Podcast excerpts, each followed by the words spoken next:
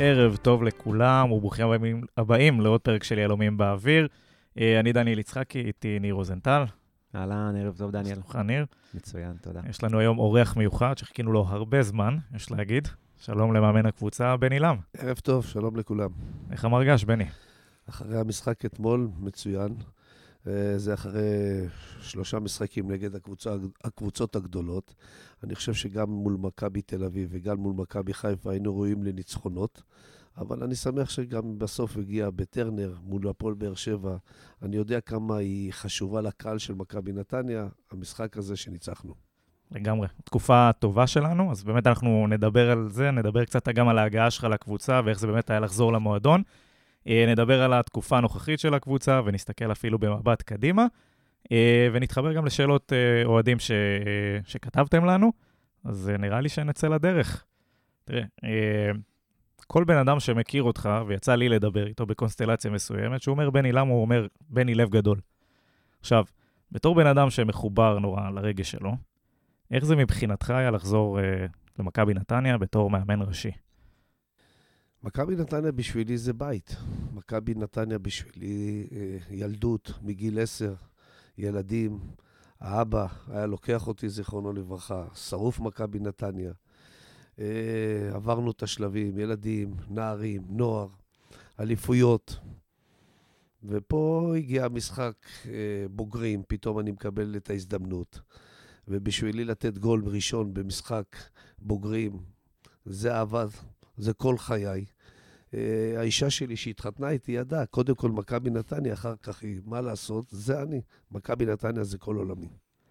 טוב לשמוע, ואתה יודע, אנחנו באיזשהו מקום, קבוצה כזאת, היא נורא, יש בה תהילה המשפחתיות הזאת, המשפחתית הזאת, אה, וזה נחמד לראות מישהו, אתה יודע, שכל כך מזוהה עם הערכים ועם המועדון, אה, נמצא בתפקיד כזה בקדמת הבמה, אז שאפו. ספר לנו קצת אולי גם למאזינים, איך, איך, אה, איך, איך בנוי הצוות המקצועי במכבי נתניה? אה, רן קוז'ק, אה, קודם כל כולם על טהרת נתניה. שחקנים שגדלו במחלקת הנוער, שחקנים שעברו את כל המסלול של ילדים, נערים, נוער. רן קוז'ק הוא עוזר מאמן, הוא עושה עבודה מצוינת, שיש לנו שיתוף פעולה מעולה. הוא גם בעל ידע גדול מאוד. אני מאמין בו בתור אחד שהוא יגיע רחוק גם בתור מאמן. יובל עזריה, אחד שמשקיע מהבוקר עד הערב, אימונים אישיים, לוקח שחקנים, מטפל בדברים, הליקויים שלהם, משפר להם את הטכניקה. וישראל זוויתי, אה, אתם רואים את הכושר הגופני של הקבוצה, אני חושב שאני לא צריך להרחיב, כי הכושר הגופני של הקבוצה זה פשוט... אה, מעל הקבוצות, מעל כולם, אז ככה שעושה עבודה מעולה. יש לנו אנליסטים שהם עושים עבודה מצוינת, יש לנו אה, מנטליסט, אה, יש לנו את כל הדברים, מאמן שוערים עופר בסון. ככה שהצוות הוא צוות גדול, צוות רחב. וסביבם, אתה יודע, איש משק, אנשי משק וכל מה שצריך, אנחנו מקבלים את כל הדברים הטובים בכדי להצליח. מעולה. Uh, תראה, בני, אני, אני מכיר אותך לא מעט שנים, כמובן, ו... אני חייב ככה בגילוי אישי, במשחק הראשון שלך מול מכבי תל אביב, אני לא הייתי בארץ וראיתי את זה מחו"ל, והייתי עם דמעות ממש מול, ה... מול המסך של המחשב, ואמרתי למורן, לאשתי, איזה כיף. הגיע מישהו מהעבר, שכאילו בא להזכיר לנו איך מכבי נתניה צריכה להיראות. ואתה יודע, זה, מצד אחד זה, זה מאוד מרגש וזה טוב, ו... זה מתחבר אצלי למשהו אחר. הרבה פעמים אנשים כשמדברים על בן עילם, כמו שדניאל אמר, דבר ראשון אומרים לב, אומרים אה, מוטיבציה, אומרים את כל הדברים האלה. כשמדברים על נגיד ברק בכר, או רוני לוי, או מאמנים אחרים, אלו לא התכונות הראשונות שאומרים. עכשיו, לי זה מאוד מפריע, כי זה כאילו שמורידים מהמקצועיות והידע שלך ואומרים, בני הוא קודם כל לב.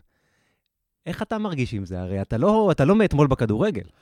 קודם כל, הדברים שאתה אומר לב, נשמה, זה דברים טובים למאמן. דברים מצוינים. מצוינים. יש, שני... יש כאלה שאומרים אותם אצלך כאילו שזה הדבר העיקרי, ויש גם קצת כדורגל. אבל אם אותם אנשים שהיו אומרים רק שזה העיקרי, היו לוקחים גם את המשחק הראשון שלי מול מכבי תל אביב, שהתחלתי ב-4-3-3, ופתאום עברתי ל-3-5-2, ופה ניצחנו את המשחק, ובגדול, ובגדול. היו הרבה משחקים שעשיתי חילופים טובים, יש גם חילופים לא טובים. בוא ניקח את המשחק של אתמול. בוא ניקח את המשחק של אתמול. כולם היו בטוחים שאני פותח את המשחק עם יובל אשכנזי, עם אביב אברהם באמצע, יחד עם ידן קרצב, כי הם עשו משחק מצוין שבוע לפני מול מכבי חיפה. אבל מה? חשבתי לנכון מול הפועל באר שבע, ש-60% מהגולים שלהם הם מצבים נייחים.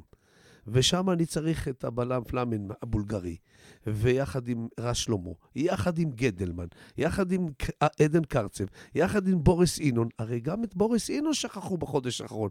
בוריס אינון חתיכת שחקן, הוא חתיכת שחקן. קצת בפריזר, כן. עכשיו, המצב שלי הוא מצב מצוין. אז בקטע הזה, זה לא רק לב ונשמה. זה דברים מסביב. זה דברים של איך אני מחבר את השחקנים, איך אני מלטף את השחקנים, איך אני אה, אה, אה, אומר לו מילה טובה בשביל שייתן, אבל עדיין יש פה הרבה טקטיקה. בואו ניקח את הגול. הגול. הגול שעשינו. לא רואים את הגולים האלה במדינה. לא רואים את הגולים. מה אתם חושבים, שזה פתאום יצא? זה, זה עבודה של אימונים, זה עבודה. עכשיו, אני, כמה פעמים מאמנים יכולים לבוא להגיד אחרי הגול שספגנו מול מכבי תל אביב, שדני עמוס נתן את הפס לא טוב לגררו. נכון. הרי כל מאמן אחרי משחק כזה אומר לו, היי, אל תחזיר את הכדור אחורה, תעיף את הכדור קדימה, לא רוצה את זה. לא, זה חלק מהכדורגל לעשות טעויות. אין מה לעשות, זה חלק מהכדורגל. אז זה הדרך שלנו, ובזה אני מאמין. יפה. האמת ש... סליחה, יש לי עוד, עוד משהו כאן ש, שקשור לזה. אמ, יצא לי לדבר שיחה די ארוכה עם אה, לירון פרטוק. אתה מכיר אותו הרבה מאוד שנים. ולירון אמר לי, עברתי כמה מאמנים בכדורגל, אין מישהו אחד שמתקרב לבני במה שהוא יכול להוציא מכל שחקן ושחקן. עכשיו, אנחנו, כשאנחנו מסתכלים על מכבי נתניה של השנה, אז דיברנו על זה גם בפרק שהיה אחרי המשחק, יש שחקנים, יש קבוצות שמביאות אה, רכש, וגם הבאנו רכש ואנחנו נדבר על זה, אבל זה הרגיש שבתוך מכבי נתניה של השנה, יש שחקנים שכבר היו במערכת וביצעו שדרוג משמעותי תחתיך. נכון. שזה גם ג'אבר וגם ברקוביץ', כמובן שאני ירדתי עליו הרבה, והוא לא שיחק אה, ב-50% מהיכולת שהוא הראה לנו בשלושה המשחקים האח... האחרונים. איך אתה מוציא את זה מהשחקנים? כלומר, איך אתה, איך אתה בא אליהם ואתה גורם לכל אחד להרגיש שאני מאמין בך, אתה, אתה תביא את מה, ש, את מה שאתה מסוגל ואני יודע שזה יקרה. או אתה, אפילו איך אתה משתמש בשיטה כדי להבליט את היתרונות שלהם. אתה, אתה הזכרת כרגע פה את uh, ברקוביץ' ואת ג'אבר, אבל אני יכול להגיד לך שגם גנדלמן, עוד יותר אצלי ועשה שיפור. ואני אקח את רז שלמה, עשה עוד יותר שיפור. ואני אקח את אביב אברהם, ועשה עוד יותר שיפור. ואני אתן לך דוגמה. הרי כל, כל הכתבים פה בנתניה פוסלים את החלוץ המרכזי שלנו, איגור. פוסלים אותו. אתה יודע מה? אני לקחתי אותו לשיחה אתמול, לפני המשחק. והוא יודע שמגיע חלוץ ביום שני-שלישי. אמרתי לו, איגור, אני מאמין בך. גם אם החלוץ יגיע, אתה הראשון. אתה פה אצלי. ואני אומר לך, הוא לא נותן גולים, אבל אני אוהב את העבודה שלו, אני אוהב את ההשקעה שלו. זה מתאים לשיטה שלי. נכון שבסוף סופרים את הגולים, אבל הוא מתאים לשיטה שלי. אז כמו שאני נוגע באיגור, והוא עשה עבודה מעולה אתמול, הלחץ הוא מתחיל מכ... מהחלוצים. אם מישהו אחד לא יעשה את הלחץ טוב, אני פוגע. אני, אני אקבל את הגול בסוף. אז זה מתחיל מאיגור, והוא עושה עבודה מצוינת. נכון שבסוף אמרנו, סופרים את הגולים, אבל עדיין, בכל אחד אני נוגע. כשאני אומר לגדלמן ולג'אבר, לוקח אותם לשיחה ואני אומר להם, אתם מחר מחרתיים שחקני נבחרת. אתם אירופה. אירופה. אתה מעצים אותו. הוא מאמין. כשאני אומר, אה, אה, לפני המשחק מול מכבי חיפה, השלישיית קישור שלי היא לא פחות טובה מהשלישיית קישור של מכבי חיפה. אני גם מאמין בזה, אני לא אומר סתם, אני מאמין בזה. כשאני אומר, אני הולך לנצח את באר שבע, אני לא אומר שיצחקו עליי, אני מאמין בשחקנים האלה. הם מרגישים את זה, אז הם נותנים במגרש. בטח. איך נראית uh, החלוקה הזאת של, דיברת על הצוות המקצועי, איך נראה ההכנה למשחק? מה החלוקת תפקידים ביניכם? Uh, אספת uh, קבוצה לפני משחק, אני מכין לוח, פוסטר, שאני כותב כמה דברים עיקריים. אתן לכם סתם דוגמה אחת, uh, אגרסיביות, מקצוענות, מחויבות, הנאה וביחד. זה מוטו שלי שאני רוצה, המילה קבוצה.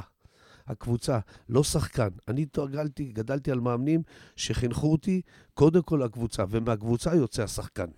וכשפרפה אתמול לא שיחק שהוא כוח משמעותי, לא דיברנו עליו. היום אני מדבר אחרי המשחק, לא דיברנו עליו.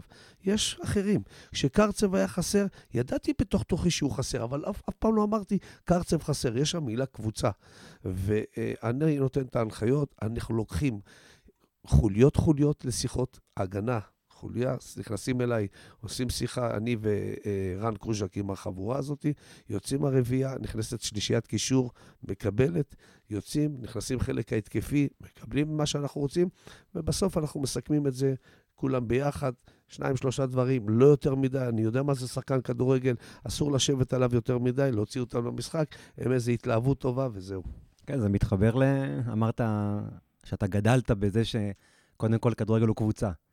אז uh, אני, אמנם, אני אמנם נולדתי שנה אחרי האליפות האחרונה, אבל הווידאו של שפיגלר שאומר לכם בחדר הלבשה בבלומפילד, מכבי תל אביב מועדון גדול, אנחנו קבוצה גדולה. זה חרוט אצלי. זה חרוט גם אצלי, למרות שלא הייתי שם. זה חרוט. וזה ניכר בזה שזה חרוט אצלך, כי כמו שאתה אומר, זה משהו שמאוד מאוד, אה, מאוד כיף לשמוע אותו, כי בדרך כלל, אם, אם עכשיו נגיד שחקן נמצא בחוץ, והמאמן מדבר על זה שהוא חסר לו, מה ירגיש השחקן שמשחק? משחק, ברור, זה... ברור, אני מסכים איתך.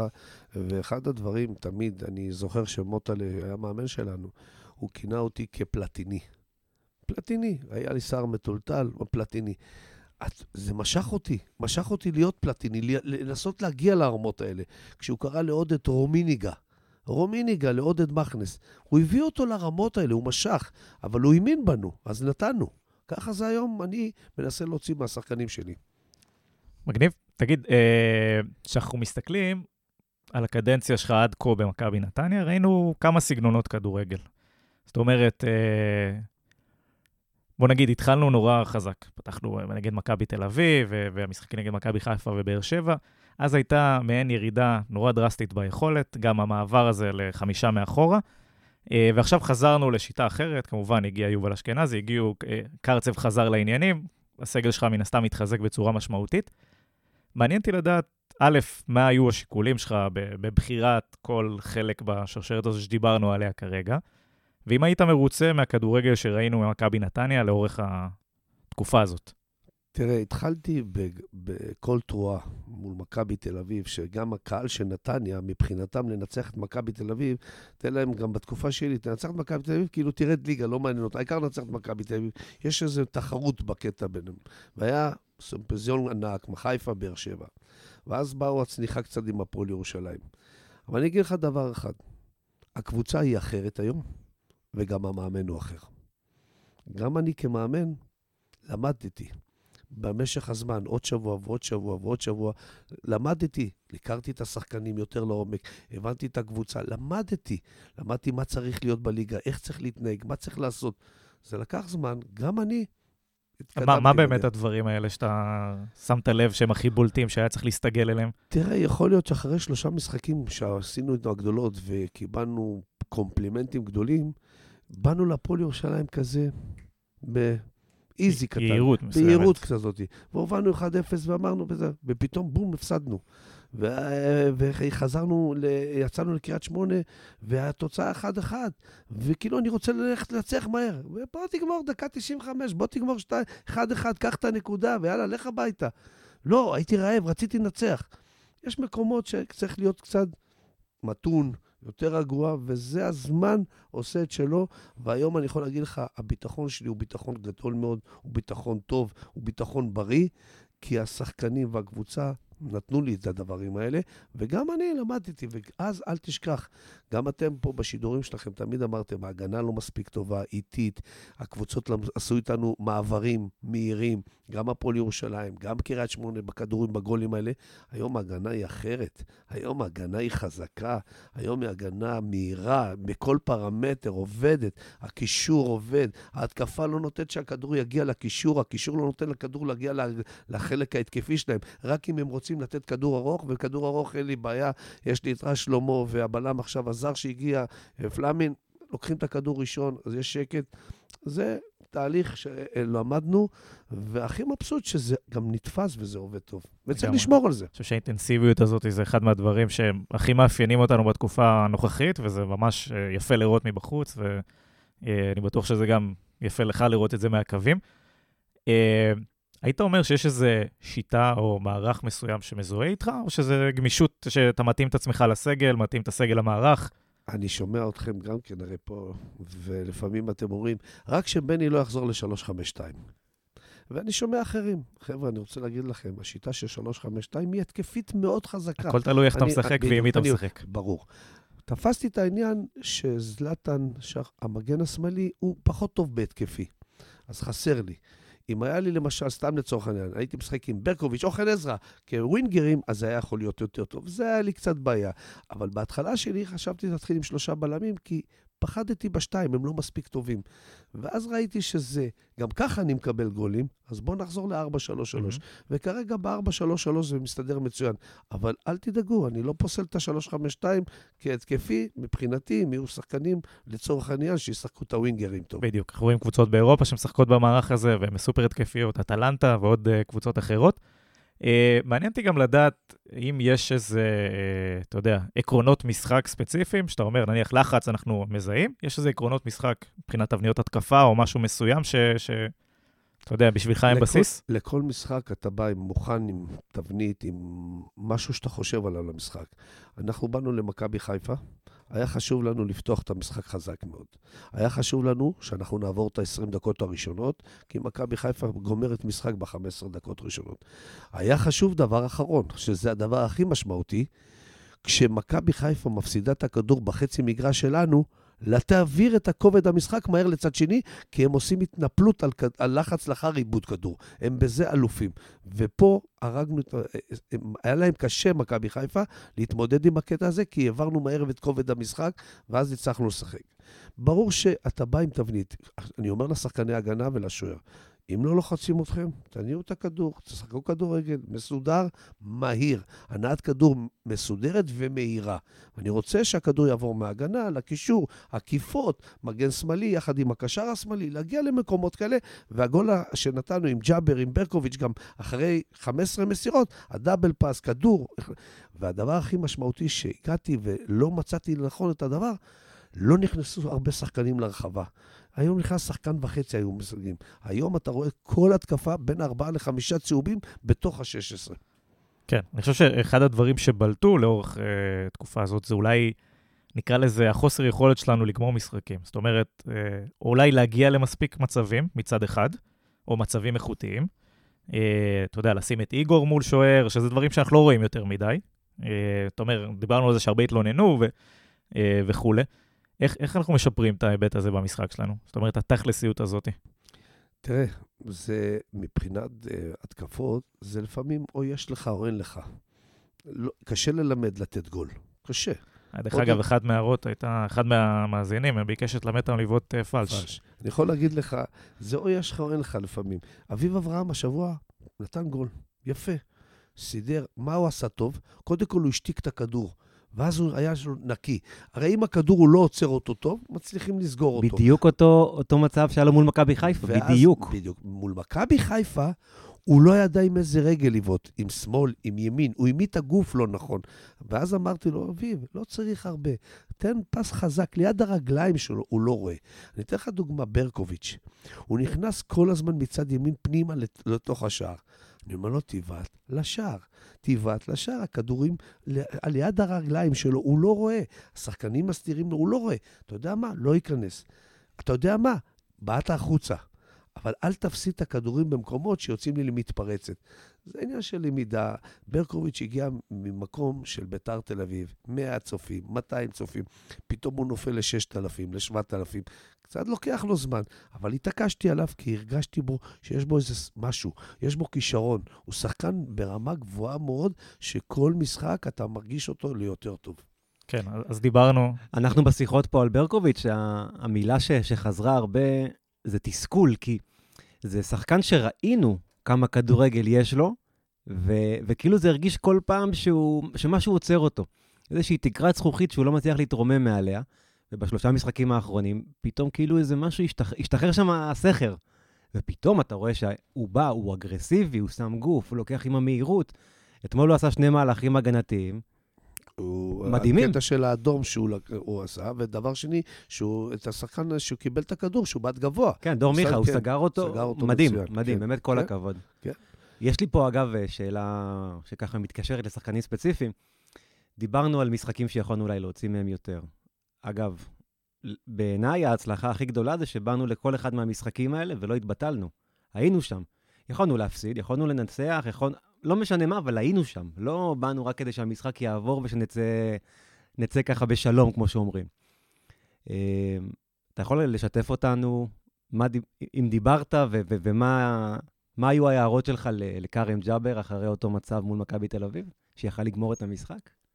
תראה, אה, קארן ג'אבר, אה, באותו משחק, ברור שאחרי המשחק אה, ישבנו על וידאו והראינו לו שהוא היה צריך לתת את הפס, פס, גם רוחב לאיגור, פס רוחב ממש, איגור סוגר את הכדור, או לתת פס אחורנית, ששם אני לא זוכר מי היה, וגם כן, הוא העדיף לבעוט לשער. ומשם יצאה הרי מתפרצת, ושם קיבלנו את הגול 2-2. אבל זה חלק מהכדורגל. זה חלק מהכדורגל. היום, הנה, אותו ג'אבר היום במשחק מול באר שבע, עשה פריצה מצוינת, הרים את הכדור, אביב אברהם הכניס. כל הזמן ללמד, זה החוכמה. לא לבוא לצעוק עליהם, אלא לתקן ברור. להם, וזה השיפור. ג'אבר עשה התקדמות אדירה מבחינת התקפית אפילו. תמיד הוא היה קטע הגנתי, היום הוא עושה התקפה. ג'אבר הוציא פנדל במשחק מול סכנין. ג'אבר עושה עבודה מצוינת, אז uh, חלק מהכדורגל זה כל הזמן למידה. לא, ב- בוודאי, כלומר, אנחנו, בטח הפורום שיושב כאן, וגם הרבה אוהדים אחרים, ג'אבר עשה התקדמות מטורפת. מה שבאמת רציתי להבין, זה, ענית על זה, כן, אבל uh, איפה המקום שלך בתור המאמן, כשאתה בא לשחקן כזה, שעשה עכשיו איזושהי טעות, ואתה לא רוצה להוריד אותו, אבל אתה גם רוצה שהוא יבין את הטעות. אני אפילו לא אומר לו את זה ליד כל השחקנים. אני לוקח אותו לבד ומראה לו בווידאו. אין דברים יותר טובים להראות לשחקן בווידאו את זה, להוכיח לו מה הוא היה צריך לעשות, איפה הוא צריך לתקן. זה אותו דבר גם מבחינתי שחקני הגנה. איפה הסגירות, איפה הדברים הטובים. בואו ניקח את הדקה 89 או 90, כשרז שלמה השתהה ושכטר אתמול חטף לו את הכדור שם. זה מקומות שאסור חיפש את לעשות. הפאול, כן. היום דיברתי על זה. אנחנו צריכים להיזהר. מה אתם, אני- גם אתמול, עוד פעם אני צריך לקבל את האחד-אחד כמו שעם מכבי חיפה. למה? בעוד דקה דומה. בדיוק, זה דקות מסוימות, גמור את המשחק. אל תהיו חכמולות, מהר יותר, תחשבו קצת יותר. אל תפחדו, צחקו קדימה. אני, אתמול גם הפוך מחיפה, כי אתמול המשכנו עד הסוף ללחוץ. מול חיפה, הם הביאו אותנו למקום שחזרנו קצת אחורנית, ואז הם לקחו יוזמה. דיברת פה על, אה, על, על זה שגם אתה אה, מרגיש שאתה משתפר או לומד ממשחק למשחק וצובר פה ניסיון, וקודם כל זה, זה מאוד אה, נחמד לשמוע את זה בתור אוהד נתניה, כן? כי זה משהו שהרבה מאוד מאמנים בארץ מאוד נזהרים. לא לה- מסוגלים להגיד על עצמם את זה. כן, אה, יש, יש להרבה מאוד מאמנים, ואתה מכיר טוב מאיתנו, יש להם את הפאסון הזה של אני יודע הכל, אותי לא ילמדו, וככה, אתה יודע, שומרים על עצמם עם, עם, איזושהי, עם איזשהו שריון ככה, וזה מאוד אה, עושה טוב לשמוע שאתה אומר שאתה לומד ממשחק למשחק, וגם זה, זה חלק מהדברים, כי המשחקים האלה של, ה, של, של הרפיון, דיברנו על הפועל ירושלים, וההפסד ההוא לאשדוד בסיבוב הראשון, אתה מרגיש עכשיו לקראת המשחק מול הפועל ירושלים, שמכבי נתניה הפיקה את הלקח מהסיבוב הראשון? היא לא רק שהיא הפיקה, הקבוצה היא קבוצה אחרת היום. היא קבוצה אחרת. עדן קרצב, הגנה, אה, חלק הקישור, התקפה, המאמן, הכל זה משהו אחר היום. בכדורגל, עוד פעם, בכדורגל זה כדורגל, יכול להיות הכל במשחק. אבל אנחנו קבוצה שאנחנו, בוא נגיד, אה, יש חלק אמרו לי, תוריד אותם לקרקע אחרי השלושה... הם לא שמה. הם לא שמה. אני גם לא רוצה לדבר איתם יותר מדי. הם יודעים, הם באים לעבודה. השבת זה הפועל ירושלים, אז הפועל ירושלים. שבוע הבא זה מכבי פתח תקווה, מכבי פתח תקווה. לא לעשות סימפוזיון, לא להזכיר להם גם את המשחק ההוא יותר מדי. הם באים, הם יודעים היום. יש עבודה, יש מטרה. המטרה שלנו היום, הפועל ירושלים. לא פלייאוף עליון, אלא הפועל ירושלים. כן, פלייאוף עליון זה בסוף יהיה פרס. מגיע לה... מגיע לא לה- פרס, אבל מטרות קטנות, נכון, ואתה נכון. כובש את המטרות אני הקטנות. מאוד שזה אוהב אני את זה, אומר, כן? אני לא רוצה לצד, צד ללחוץ צד. ולדבר פלייאוף עליון. אני מדבר היום הפועל ירושלים. ברגע שאתה תנצח את הפועל ירושלים, ואז אתה בא, מטרה, המכבי פתח תקווה, זה לבד יגיע הפלייאוף העליון. אם נכון. אנחנו נדבר על זה יותר מדי, ו... לא, צריך לעבור דבר-דבר. מה שאתה אומר פה עכשיו זה, א', נורא מעניין, כי הקבוצה שלנו היא קבוצה, ברובה קבוצה מאוד צעירה. היית מצפה שאולי לא כולם יהיו עם הרגליים על הקרקע, או לא, אתה יודע, אנשים קצת לא, לא תמיד רגילים להצליח, או לא תמיד רגילים לשחק מול קהל, כמו שאמרת, ברקוביץ' וכו'.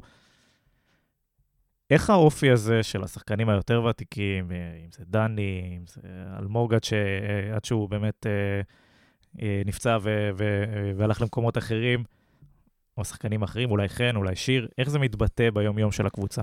אם תבוא תראה את הקבוצה, קודם כל הצעירים נבונים, אינטליגנטים, אישיות חזקה מאוד. גנדלמן, ג'אבר, שדה, הרבה, אני, ברקוביץ', הם לא רוצים לעזוב את האימון, הם לא רוצים ללכת להתלבש, הם רוצים עוד, הם רוצים להתקדם, הם רוצים לעבוד, הם רוצים ללמוד. לפעמים אני מושך אותם החוצה לחדר הלבשה, כי אני לא רוצה עומס יותר מדי, כי מה שחשוב בסוף זה השבת. כשאתה רואה את דני עמוס, איך מפרגן לשחקנים, איזה אישיות בו. כשהוא מקבל את הגול שזה עליו, והוא מרים את היד, חבר'ה, זה עליי, סליחה, הלאה, תמשיכו. שם חזרנו למשחק. עצם העבודה של דני עם היד. כי אם אותו שוער שקיבל את הגול היה שוכב על הרצפה, ובואו תרימו אותי, ובואו תגידו לי, סליחה, לא נורא, לא נורא, היינו מפסידים את המשחק. כשתראה את שיר צדק שלא משחק היום, לא משחק, הוא לא בהרכב היום, אבל הוא בא מתאמן בצורה מצוינת. ואותו דחן עזרא, שעובד ומשקיע, ושי קוסטנטין שלא משחק, זה עושה טוב. ואז הצעירים רואים את זה. מרימים את הקצב האימון. האימון מתרומם, האימון נראה יותר טוב. הקצב של האימון, השחקנים מרימים את האימון. אתה תבוא, תראה את השחקנים, הם לא הולכים, הם באים מוקדם. ביום חופש, הם באים לחדר כושר. הם רוצים להצליח. זה כיף לעבוד עם שחקנים כאלה, הם רוצים להצליח. כיף לשמוע. Uh, אני חושב שעוד משהו שעלה בזה, שאין לנו כאילו, נראה שאין שכבת ביניים. זאת אומרת, רק אביב אברהם הוא בשכבת ביניים. זה או שיש חבר'ה נורא צעירים, או שיש חבר'ה נורא בוגרים, לפחות לפני ינואר, אם נסתכל על זה ככה. עכשיו הבלם באמת הוא גם בשכבת גיל של אביב פחות או יותר. זה משהו שמשפיע? לא, אני לא שמתי לב לזה, אני לא מרגיש את זה. אני לא מתייחס לזה. אה, קודם כל, זה גם דבר שקיבלתי, וזה מה שיש לי כרגע. זה מה שיש לי כרגע, אני, זה מה שקיבלתי. אבל לא, אני לא רואה בזה שום דבר, הכל בסדר. עצם זה שנתתי לאביב אברהם גם להיות קפטן, זה קודם כל, אני מרגיש, הוא גדל פה.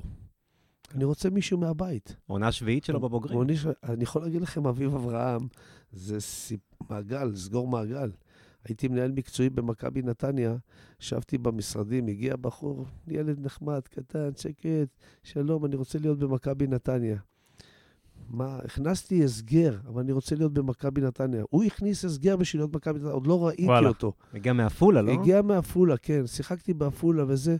ישר עשיתי לו איזה אימון וזה, ראיתי שמדובר בשחקן מצוין, ישר לקחנו אותו, הכנסנו אותו לאורט, סגרנו, שמנו אותו בפנימייה, ומפה תראה איזה יופי.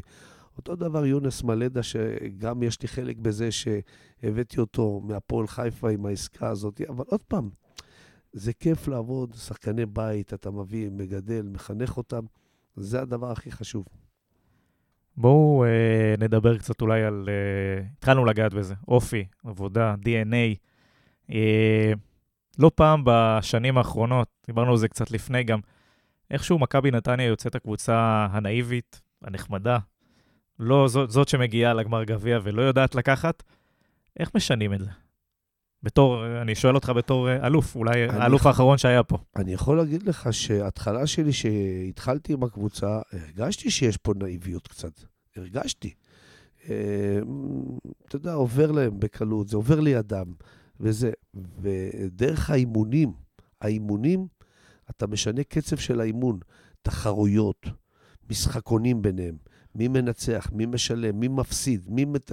מי, מי מרים את השערים בסוף האימון, מי מרים את הציוד, מי מגיש למי באוכל. משהו תחרות, לעשות אותם קצת יותר, סליחה, אני יכול להגיד את זה פה, מניאקים חיובים. מניאקים חיובים. משהו בקטע הזה, ולאט לאט משבוע לשבוע אתה מתחיל להרגיש אותם שיש שיפור, יש שיפור, יש שיפור. שמע, אני זוכר את עצמי גם כשחקן, אז זה גם כן, היינו עושים משחקי אימון בינינו, מוציאים גביע, מי לוקח, מי, אם אני מפסיד, אני, הורגים אותי, צוחקים עליי. אם אני מנצח, אני צוחק. זה, אתה עושה תחרות, וזה מייצר קבוצה ווינרית, קבוצה עם, יש בה הרבה אנרגיות חיוביות, אה, אנרגיות של, של ניצחון, שרוצים לנצח, שמפסידים, מפריע להם, כואב להם. זה לאט-לאט, זה הדרך. דיברת פה באמת על, על כמה שחקנים מהוותיקים של הקבוצה. איך באמת אתה, איך באמת אתה מצליח לשמור, גם, גם שיר צדק, גם, גם חן עזרא, אמרת שי קוסטנטין, שחקנים עם יותר ניסיון וותק, נגיד, למשל משחק כמו אתמול, שיר צדק מגיע למקום שהוא עשה בו שלוש אליפויות וגביע, והוא אפילו לא רואה דקה. כלומר, איך, איך אתה גורם לזה, גורם לזה שבסוף המשחק כולם הולכים לקהל, ובאמת שמחים בשמחת האחרים? כלומר, יש פה משהו שהוא, שהוא לא מובן מאליו. ששיר צדק רואה בלם ש-15 שנה צעיר ממנו משחק. כי הוא 12, מבין, 12, סליחה. כי הוא מבין שהכל נקי וטהור ואמיתי. ברגע שהמאמן מתנהג לאלה שמשחקים ואלה שלא משחקים באותו צורה, באותו דבר, ונותן להם את הכבוד, ו- ו- ו- ולא יורד, כי מצפה מהם, כי מחר, מחרתיים יכול להיות שאני צריך את שיר, או מחר, מחרתיים אני צריך את חן, או שי קוסטנטין, שג'אבר שבוע הבא עם צהובים, אה, אה, פתאום יכול לקחת, הוא יודע שאם הוא לא ייקח את זה, הוא יישב בחוץ. כי, ואם הוא יצטרך לקחת, יכול להיות שהוא ייקח לו את המקום. זה קטע תחרותי, ואני, היה לי שיחות איתם, היה לי שיחות, והם יודעים. אה, אני יודע ששיר, רצו אותו איזה קבוצה, והוא לא רצה ללכת, הוא רצה להישאר מכבי נתניה. וזה עשה לי טוב שהוא רצה להישאר מכבי נתניה. כי עצם זה שהוא רוצה להישאר, הוא נהנה. זה מועדון שטוב להיות פה. אה, זה לא קשור רק לכסף, הוא נהנה להיות פה. ברור שבסוף הוא רוצה לשחק.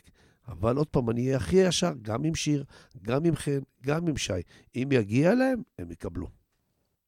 בוא נדבר קצת על, ה, אה, על החלון של ינואר.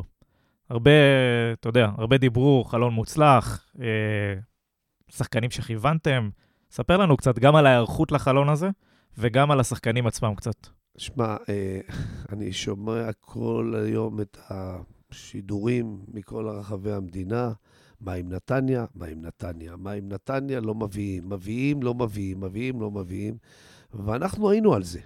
גם אלמוג, גם אני, גם ניב גולדשטיין, אייל מאחור, מחכה לשמוע מאיתנו. היינו, ידענו שאנחנו רוצים בלם, ואנחנו רוצים חלוץ. ידענו. אני יכול להגיד לך דבר, יובל אשכנזי עלה אליי בקטע הרבה זמן לפני שהבאנו, חשבנו על הבלם, אבל אז לא רציתי.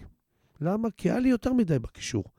אבל פתאום שראיתי שיש לי בעיה גם בקישור מבחינת שערים, לתת גולים, מי לא, השחקן שיבוא לי מאחורה, ממקום, מחלק השני של המשחק, מי יבוא? ואז הבנתי שאני צריך את יובל, והלכתי, גם אני אישית דיברתי עם ינקלה, כי יש לי קשרים שם עם חיפה, והסכימו לתת לנו אותו, ואני מאוד מרוצה שהוא הגיע. על החלוץ לא היה בהתחלה, עד שפתאום ראינו שהחלוץ, יש לנו בעיה, דיברנו על בלם, והצלחנו להביא בלם אה, שהוא היה השני שחשבנו, לא הצלחנו לסגור, עם, היה איזה בלם שחשבנו גם מבולגריה וגם מאותו קבוצה, ולא הצלחנו לסגור אותו. ומצד שני, רצינו מאוד את הבלם הזה. תקשיבו, אה, יצא לכם בשידורים שלכם להגיד מה בני מחביא אותו, אה, הוא לא יודע. כן. לא, לא, זה בסדר. צחקנו בגלל הראיון אחרי חיפה, כן. זה בסדר גמור. הכל פה ברוח טובה. אבל אני יכול להגיד לכם דבר. הרי אני מכיר את הכדורגל, אני מכיר את הפרשנים, אני מכיר את, השד... את כולם, ואני מכיר את האוהדים. פחדתי לשים אותו מול מכבי חיפה. ואם המשחק שלו יהיה קצת בעייתי, ואנחנו משחקים מכבי חיפה, לא, יגמרו לי אותו מהיום הראשון, יגידו, לא שווה, לא טוב, לא זה ולא זה, וישרפו לי אותו. החלטתי לא להתחיל איתו, ולא שיחק, הוא שיחק עוד שתיים, שלוש דקות אחרונות. ו... קודם כל זה יפה, שהוא נכנס לקצב לאט-לאט, מכיר את החבר'ה, הגנה זה תיאום. מעולה. והשבוע ראיתי אותו באימונים, מצוין. אני חושב שהוא עשה משחק מעולה, שקט, רגוע, כל כדור ראשון, מתחבר, אישיות גבוהה מאוד, אינטליגנט ברמת גבוהה מאוד. והשני, אני יכול להגיד לכם לגבי החלוץ, זה היה שבע, עד שעה שבע. כן. אני ואלמוג וניב זה מהבוקר על זה. צריכים אישורים, הקבוצה לא משחררת. האישה לא רוצה, כי לא נותנים לה רישיון עבודה. כי אם הוא סוגר בנתניה, אז היא גם צריכה לעזוב, כי אין להם רישיון עבודה. את גרמניה. כן. את גרמניה, והיא רוצה להישאר כרגע בגרמניה עם הילדים, רוצה גן, כל הדברים האלה. בקיצור, אלמוג, עם הקשרים שלו, דיבר עם הספורט דירקטור הגרמני, הסכימו לתת לה אשרת עבודה שהיא כאילו עובדת במועדון כל חודש 200 יורו, והיא מקבלת אישור. האישה הסכימה. פתאום השחקן, השחקן נמצא ברכבת, לא תופסים אותו, אין קליטה, אין זה. תקשיבו, עברנו גיהנום. ואמרתי, אם זה לא יהיה, מה הקהל יגיד? מה יחשבו? אנחנו חייבים את החלוץ הזה. שמע, עד הרגע האחרון, דקות אחרונות, שש, שש ורבע, הגיעו אישורים דרך הפלאפון, דרך זה. ישר ניב שלח את כל הדברים, וזה עבר, ואנחנו מצפים. אני יכול להגיד לך בגדול שמדובר בחלוץ ענק, חלוץ מצוין, אבל עוד פעם, צריך לראות את זה במגרש. אז אתה אומר, גם הבאת חלוץ, וגם אתה עובד במשאבי אנוש, למועדון הגרמני. בדיוק. עזרו לנו, עזרו לנו מאוד. יצרת להם את שמחה בובילי כן. שלהם. עזרו לנו מאוד. אה, בני, הייתי, הייתי מאוד שמח, אתה טיפה נגעת בזה. אה, מה המקום של אלמוג כהן היום במכבי נתניה? אלמוג כהן כבר חודש, חודש וחצי, כבר בקטע של מנהל מקצועי, של כל המחלקה, של כל המועדון. אבל למה לא מצהירים על זה? אז זהו, אני, לפי, ד... כאילו- לפי דעתי זה יצא השבוע. לפי דעתי זה יצא השבוע. אי אפשר, חשבנו לעשות מסיבת עיתונאים גדולה, אבל היום עם הקטע של הקורונה, אין את הקטע של מסיבות עיתונאים, אבל זה יצא החוצה כבר. אני יכול להגיד לך, הפתיע אותי בגדול אלמוג. הוא, הוא מבין את העבודה. שמע, כנראה השנים שלו בגרמניה עשו את שלו. אנחנו עובדים בשיתוף פעולה מצוין. גם ביום הראשון שהוא חתמתי במכבי נתניה, אה, היה דיבור שאני והוא מחליטים. אם אני לא אסכים לאיזה שחקן שהוא רוצה, זה לא יהיה. אם הוא לא יסכים לאיזה שחקן שאני רוצה, זה לא יהיה. אנחנו צריכים להיות מתואמים, זה יהיה ביחד. ואנחנו מאוד מאוד מחוברים. אני חושב שאני מאוד מרוצה מאלמוג, פשוט תענוג לעבוד איתו. אה, אה, אני חושב שעוד פעם, גם ניב גולדשטיין מאחורי הקלעים עושה את העבודה שם מצוין. כן, בטח. ניב זה בפני עצמו... עשה עסקים טובים. כן. אה, יש עליו אה, דעה, לא משהו בקרב הקהל, אבל לדעתי זה בגלל שהרבה לא, לא מכירים. עכשיו, שוב, אתה במועדון, אני מכיר את ניב מהתקופות הכי קשות של המועדון, דברים שהוא, שהוא עושה עושה עבודה מצוינת. 24-7 רק למען מכבי עושה נתניה. עבודה מעולה, מעולה. ממש. אה, מה אתה יכול לספר לנו מבחינת תכונות על החלוץ החדש? מה אנחנו אמורים לצפות לראות? אה, איך הוא משתלב במכבי נתניה מבחינתך? מבחינתי, הוא שחקן גם תשע וגם קו.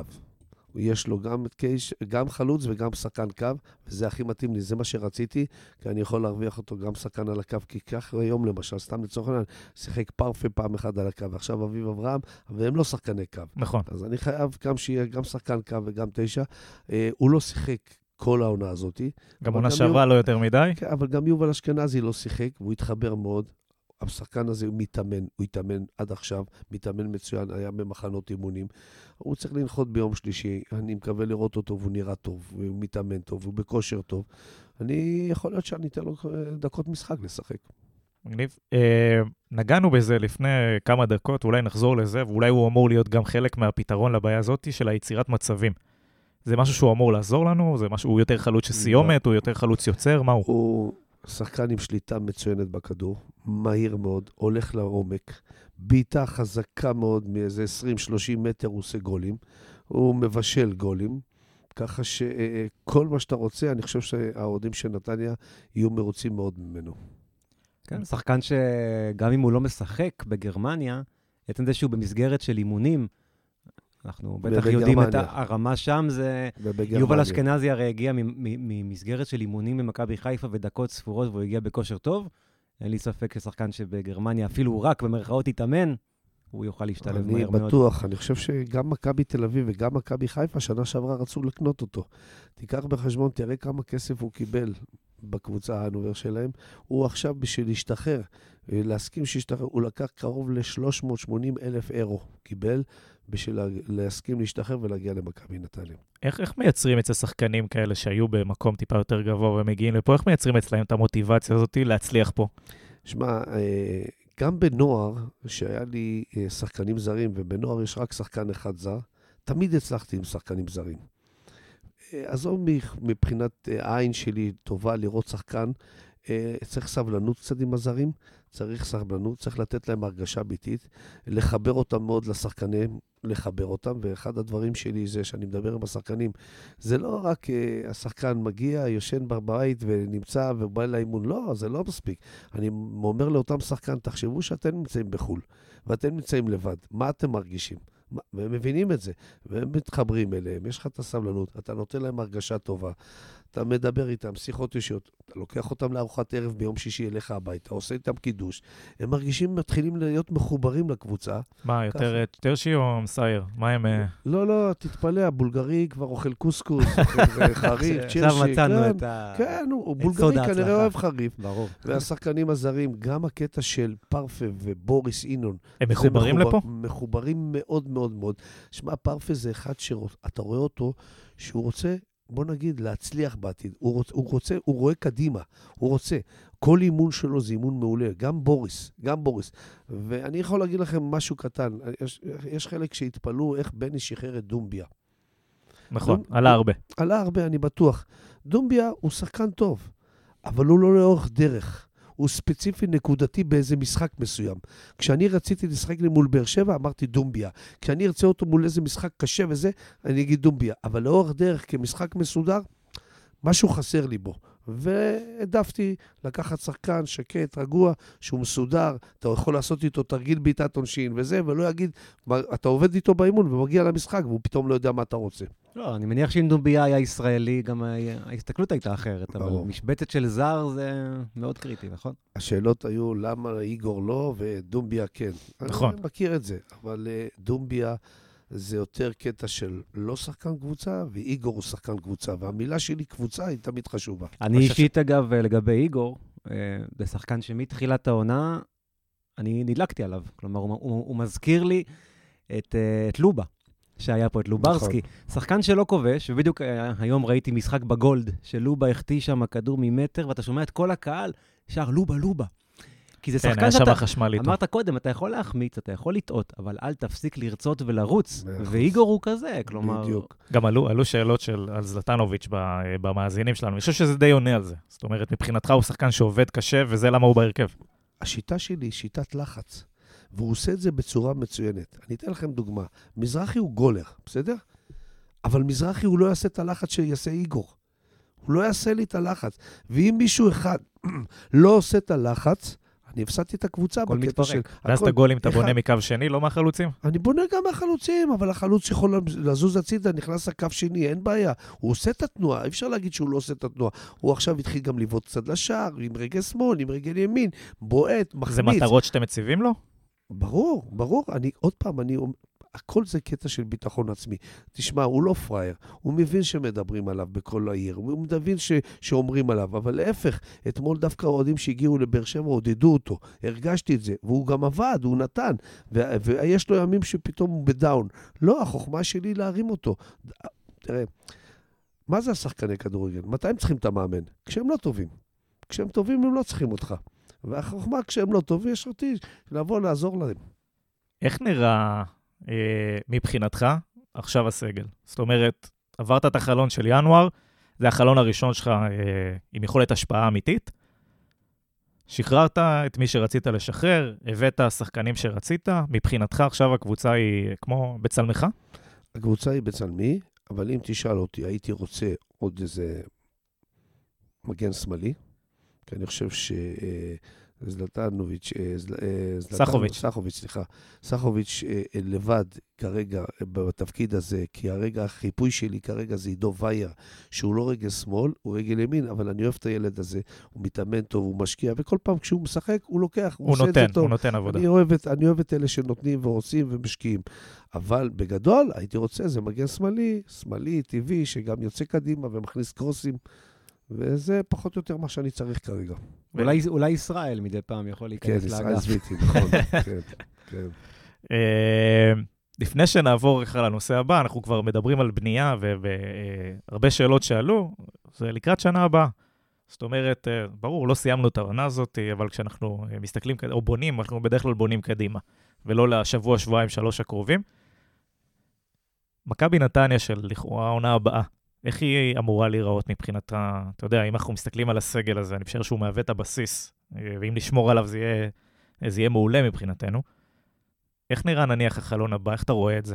תראה, בגדול, אם הכל יסתדר והכל ייראה טוב, כמו שאנחנו מצפים כרגע, כמו שאנחנו מצפים כרגע, אה, זה הסגל שצריך להיות. אם פרפה חוזר למכבי תל אביב, אז ברור שצריך להביא שחקן מספר 10 בדמותו, ברמה שלו, ולמצוא את זה. ואמרתי לך, מגן שמאלי טוב, ואז יש לך קבוצה בריאה וחזקה לשנה הבאה. לגמרי, גם שנים קדימה, אם אנחנו מסתכלים על, נכון. על האיכות של הסגל. בסופו של דבר, אה, היו הרבה דיבורים על אה, אה, שדוביה שהלך, אז היה ליבור להביא את זנתי אה, ולהביא את רוטמן. אחד מהם, עוד שניהם, אני לא יודע מה קרה בסוף. אה, לא סגרנו את זה. זה משהו שהולך להשפיע? לא, מבחינתך? לא, בכלל לא, כי היה אמור ללכת, אה, לביד היה צריך לעזוב, וגם חן עזרא היה צריך, יכול להיות שהיה היה גם מדובר שעוזב, וגם אה, אה, אה, עוד שחקן היה חייב להשתחרר מהסגל, גם מבחינה כספית, בכדי שאנחנו נביא. אבל לא הלכו, והם נשארו, והכל בסדר. כי גם אה, זנתי, שמאוד רצה להגיע למכבי נתניה, זה היה קשור לביד אם הוא עוזב, והוא לא עזב, אז הכל נשאר רגיל. מגניב. Uh, אני רוצה רגע לחזור אולי שנייה לנושא של... Uh, דיברנו על האפקט המנטלי, uh, ודיברנו על לבוא ולנצח כל משחק. והייתה איזו אמירה מסוימת, שאני חושב שפה אפילו דיברנו עליה, היא נורא הטרידה אותנו באחד הראיונות שלך, ומעניין אותי לדעת מה הטייק שלך. בתור, אתה יודע, ווינר מבחינת המנטליות. נתת שם איזה משפט של נתניה לא תרד, והיא גם לא תזכה באליפות. עכשיו, סקרן אותי להבין אתה יודע, מבחוץ זה משדר לי סוג של בינוניות. איך זה, איך זה מצטייר בחדר הלבשה? אה, בכלל לא דנו בזה, הבנו את העניין. באמת, היינו בתקופה של בירידה טיפה, ואז היה קטע יותר קטע של לרדת ליגה. ואז אמרתי, נתניה לא תרד. המשמעות קודם כל היה, נתניה לא תרד. נתניה לא תרד. ואז קפצתי גם הקטע, נתניה גם לא תיקח אליפות. זה האמת שלי. אני הרגשתי ככה. זה אני, אני לא אשקר, איך אמרת? יש מאמנים שלא יגידו מה שאני אגיד. אבל מה אני... זה משדר לשחקנים? הכל, אנחנו רוצים לקחת מקום שני. אנחנו רוצים פלייאוף עליון. אנחנו לא היינו בתמונה, אנחנו לא, לא, לא היינו קרובים גם לפלייאוף עליון. אז מה, אני יכול לקפוץ להגיד אליפות? אני לא יכול לבוא לקפוץ, אנחנו צריכים לעבור דבר-דבר בהדרגה. אין, לדעתי אין, אין היום שחקנים במכבי תל אביב שמדברים על אליפות, אז בטח אנחנו לא... לא, בסדר, זה עניין של מנטליות, אתה מבין מה אני מתכוון. כי אנחנו דיברנו על הנאיביות, ודיברנו על זה שאנחנו איכשהו מקבלים בהבנה הפסדים לפעמים, שזה נורא מתסכל במקום כלשהו. אה, ושוב, וכשמגיע אה, לפה מישהו שבאמת האחרון שזכה פה באליפות, והוא צריך להביא סוג של, דיברנו על שינוי מנטלי למועדון, בחשיבה, בתפיסה. היה פה אייל, היה פה ניב. צריך, אתה צריך להיות אמיתי. אמיתי, אמיתי. לא, אבל אתה צריך להיות אמיתי, אתה לא יכול לקפוץ ולהגיד, אה, אנחנו לא נרד, לא. אבל, וניקח הוא... אליפות. לא, לא, לא, לא התכוון. אולי לא היה צריך להגיד את האמירה הזאת מלכתחילה. לא, הרגשתי, כש... כי היה קטע של פחד, של לחץ, של ירידה בתקופה הזאת. היה יותר ירידה, פחד של ירידה, מאשר לדבר איתי על פלייאוף עליון. ואז היה חשוב לי להגיד, לה... להרגיע את האוהדים, תהיו רגועים, אנחנו לא נרד ליגה. נכון שלא ניקח אליפות, אבל אנחנו לא נרד ליגה. לאותו זמן, לאותו רגע. יכול להיות שאם אני אכנס לעניינים והיה לי צ'אנס, אני לא מפחד להגיד, כמו שלא פחדתי להגיד, אני בא לנצח את באר שבע, או אני בא לנצח את מכבי תל אביב, או בא לנצח את מכבי חיפה. מעולה. אתה יודע, סליחה רגע, אני אגיד לך עוד משפט. אתה יודע, בכדורגל, אה, לפעמים המאמנים מפחדים לדבר, להגיד מה שהם חושבים, כי אז הם יישמעו יערים, שוויצרים. לפעמים אני שומע, אני אומר, אז אתה שומע את האוהדים של האוהדים בקבוצה יריבה, הוא בא לנצח אותנו בבאר שבע, מי? אני לא בא מהמקום הזה להקנית, להרגיז. מעצם זה שאני בא ואומר, אני גם רוצה למלות לבאר שבע את האיצטדיון. כשאני אומר דבר, אני בא מהמקום הזה. אתה אומר, אתה בא לטובתם. אני בא, אני בא מהמקום הזה, אני בא לשואו. כדורגל זה לא, זה לא, זה לא, כי יש כאלה, שלוש, שמים ידיים, שומע מחלקות נוער, ילדים לפעמים, שלוש, ארבע, מלחמה. מלחמה, לך להילחם בלבנון. פה כדורגל זה הנאה, זה שואו, תשחקו, תהנו. זה, זה כיף לשמוע את זה, כי אנחנו שומעים את זה גם מדני עמוס עכשיו בראיונות, וגם ממך. היה הרבה כיף, כיף, כיף. כן, ברור. איך הופכים את זה לכיף? כי אתה בא ומתחיל לדבר איתם. ומרגיע אותם, ובשלווה, בשקט.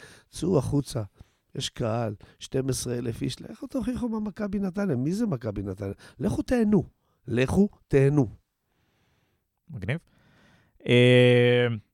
כשאנחנו מסתכלים עכשיו לקראת ה, מה שנקרא, סיימנו את הפאזה של המשחקים נגד שלוש הגדולות. כמו שאמרת, סיבוב קודם הגענו להפועל ירושלים, נפלנו שם. עכשיו אנחנו מגיעים לכאורה למאני טיים של העונה מבחינתנו, ואיפה שהתקשינו פעם שעברה לקחת את הנקודות, איך אנחנו שומרים על יציבות הפעם? אנחנו, הסברתי את זה גם מקודם, אנחנו באים לעבודה. יש לנו עבודה, כרגע סיימנו את המשחק עם, עם הפועל באר שבע, אני גם לא נכנס, סיימנו את הגדולות. כי לפני זה גם היה קבוצה, סכנין, בסדר גודל של הקבוצה, אז גם ניצחנו. ואנחנו באים סיימנו, יש לנו היום את הפועל ירושלים. הפועל ירושלים, הבא בתור, אנחנו באים לנצח, אנחנו באים לשחק את הכדורגל של מכבי נתניה.